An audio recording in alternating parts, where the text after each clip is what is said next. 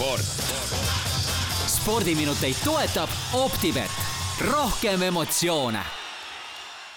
nii ta on, et äh, Kuku raadio räägib ikka ka spordist ja, ja reede hommikuti, aga millegipärast ei näe ma siin stuudios Karl Mihkel Ellerit. Karl on meil äh, Skype'iga. Karl, kus viibid?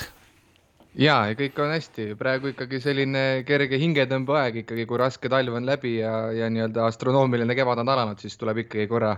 korra hinge tõmmata, hinge tõmmata ka ja siis eh, puhkuse vilju nautida ahah, eh, nii et eh, see, kui sa vahepeal oled eetris ja räägid ka rahvale spordist, siis see, see on see osa puhkusest sulle, jah? no ega spordimeeste vana tõde on see, et ega puhkusepäevi kokkuvõttes ei loeta, et ega peab ikka teemadega kursis hoidma ja mis see parem viis on, kui, kui neid ka siin rahvale jagada. vahet tehakse ikka ju sisse puhkepäevadel, ma olen kuulnud no eks natuke ütleme, juhtub, juhtub. aga äh, räägi, räägime spordist, räägime Eesti jalgpallist ja, ja nii-öelda peaproovist EM-valikturniirile äh, ja täpselt nii on, et eile siis Eesti jalgpallikoondis siin kogunes üle mõne aja ja kui aasta alguses toimusid siin mm, sõprusmängud paberi peal tugevate tiimidega, siis nüüd ikkagi, kui uuel nädalal Eesti jaoks ka kaks tuhat kakskümmend neli Euroopa meistrivõistluste valiksari pihta hakkab, siis tõesti sellise viimase peaproovina maavõistlusmäng võõrsil toimus Ungariga ja seisuliselt küll kaotasime null-üks ja ega tegelikult Ungaril oli siin väravavõimalusi päris palju, et Eestil oli natukene ka õnne, et üks värav võeti siin tänu Varrile ära ungarlastelt, nii et aga lõpuks ikkagi kodupubliku rõõmuks ungarlased võidu kätte said, aga nagu öeldud, siis siin mängus oli ju punkte ei jagatud ehk et ikkagi selline sõprusmängu formaadis asi, aga tegelikult Eesti koondisel oli ka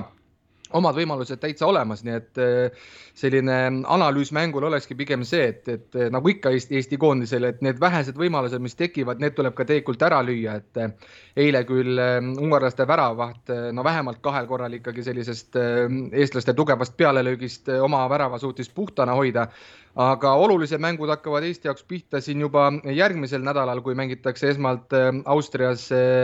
Linzis Austria meeskonnaga ja no Austria meie selles F-grupis, kuhu Eesti on loositud ikkagi sellises tugevusarvestuses, peaks olema ikkagi teine koondis. nii et no, et kui valiksarja alustada ikkagi ühe alagrupi favoriidi vastu, et ega siis midagi lihtsat kindlasti Eestil seal võõrsil olema ei saa, aga no nagu ikka see jalgpalli põhitõde on, et tuleb taga null hoida ja siis loodetavasti sellistest kontrarünnakutest või standardolukordadest ka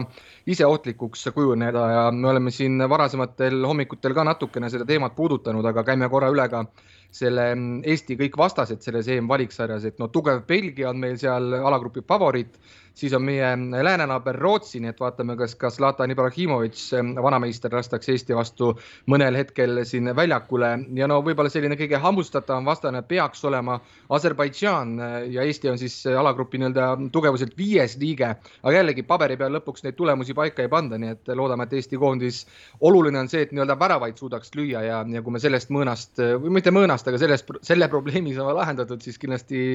noh, kas nüüd just kõik on võimalik, aga, aga loodame, et punaseks selliseks laternaks me seal tabelis ei jää. Karl Mihkel, osade riikide jaoks on see EM-valikturniir juba ka alguse saanud, kuidas üllatustega on, on üllatusi ka juba tulnud? No eile tõesti siin olid äh, tugevad mängud, äh, võib-olla selline kõige kesksem või, või kõige olulisem kohtumine või nimekam, ütleme nii, oli Itaalia versus äh, Inglismaa, et siin parematel aegadel ütleks, et võib-olla isegi mõne EM-finaalturniiri selline play-off mäng. aga praegu lähevad siis juba valiksarja mm, alagrupis vastamisi ja no Itaalia jäi ju siin suursuguselt MM-finaalturniirilt eemale, kuigi on ise valitsev Euroopa meister. Ja ega nüüdki uus valiksari nende jaoks hästi jalanud, et kodus tuli tunnistada Inglismaa üks-kaks paremust ja Inglismaa mängis viimased kümmekond minutit ka ühemehelises vähemuses, et saadi seal ka punaseid kaarte, nii et eh, noh, itaallastel ka on selline verevahetus toimunud meeskonnas ja eks nad peavad ka ennast koguma, aga Inglismaal siis algas kõik hästi. Eh, Portugal eh, ja Cristiano Ronaldo jällegi eh, mees, kes purustab siin erinevaid rekordiraamatuid, tegi nüüd oma saja üheksakümne seitsmenda esituse Portugali rahvusmeeskonna käe eest ja tõusis sellega absoluutset maailmarekordit hoidvaks inimeseks, et ükski teine mängija kogu maailmas pole rohkem kohtumisi oma rahvusmeeskonna eest pidanud ja mitte ainult sellepärast ei olnud see eilne mäng Liechtensteiniga oluline, neli-null Portugal võitis, aga kaks väravat lõi ka Ronaldo ise, nii et mees ikkagi näitab taset. ja üks selline igipõline vastasseis ka võib-olla mitte nii igipõline, aga Skandinaavia ehk siis Taani versus Soome ja Kopenhaagenis Parken Arenal toimunud mängu Taani võitis kolm-üks, nii et soomlased, kes ka kindlasti hellitavad siin mõtteid EM-finaalturniirile, veel punktiarvet ei avanud. aga lähme edasi teemadega.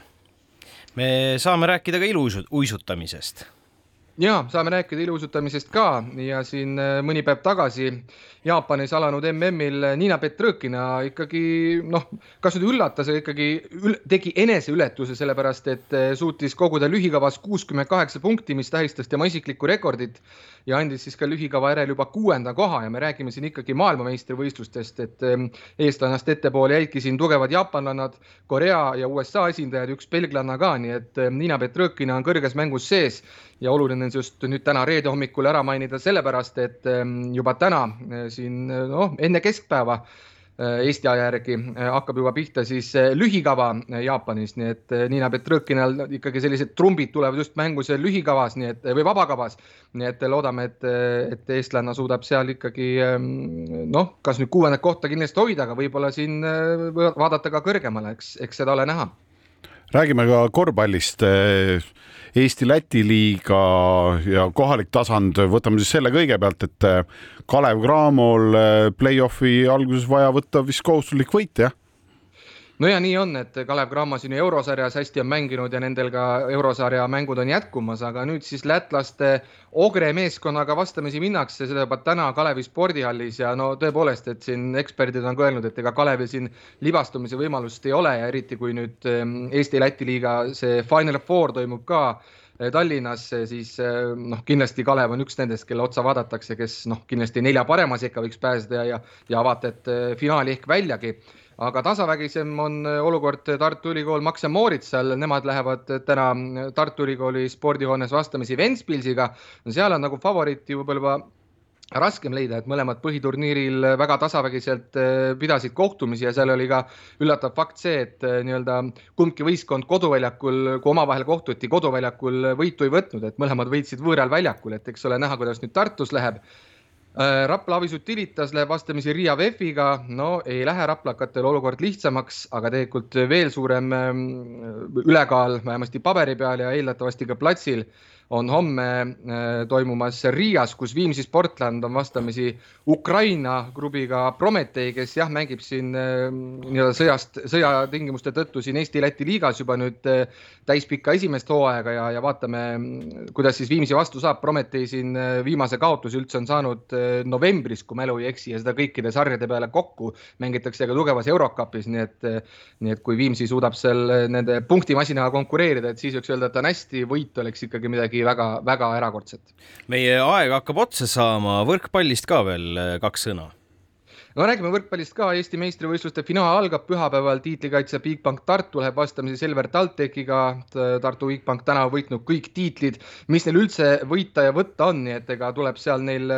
loota ka, et, et, et läheb kõik nii-öelda, nii-öelda tõusvas vormis ja ega neljavõiduni see finaalseeria mängitakse, nii et ega ütleme, komistada natukene võib, aga, aga mitte väga palju, nagu öeldakse. ja meie teema lõpetuseks käime ka OpTibeti koefitsiendid üle ja need tulevad meil taaskord jalgpallimaailmast ja EM-valiksari on alanud ja tänagi tugevad kohtumised tulevad. üks maiuspala täna kindlasti Prantsusmaa versus Holland. Ja Prantsusmaale OpTibeti koefitsient on üks koma seitsekümmend üks, Hollandile neli koma kaheksa, nii et selles mängus selge favoriit on võõrustaja koondis ja üks mäng veel toome esile, on Rootsi versus Belgia ehk et siis selle meie F-alagrupi avamäng ja seal on Rootsi koefitsient OpTibetil kolm koma neli ja Belgial kaks koma kaks. nii et hoiame siis pöidlad pihus, et ka esmaspäeval Eesti võistkond EM-valikturniiri vapralt alustab. ja Karl, aitäh sulle. Karl-Mihkel Elleriga kuuleme taas teisipäeval, ilusat sportlikku nädalavahetust.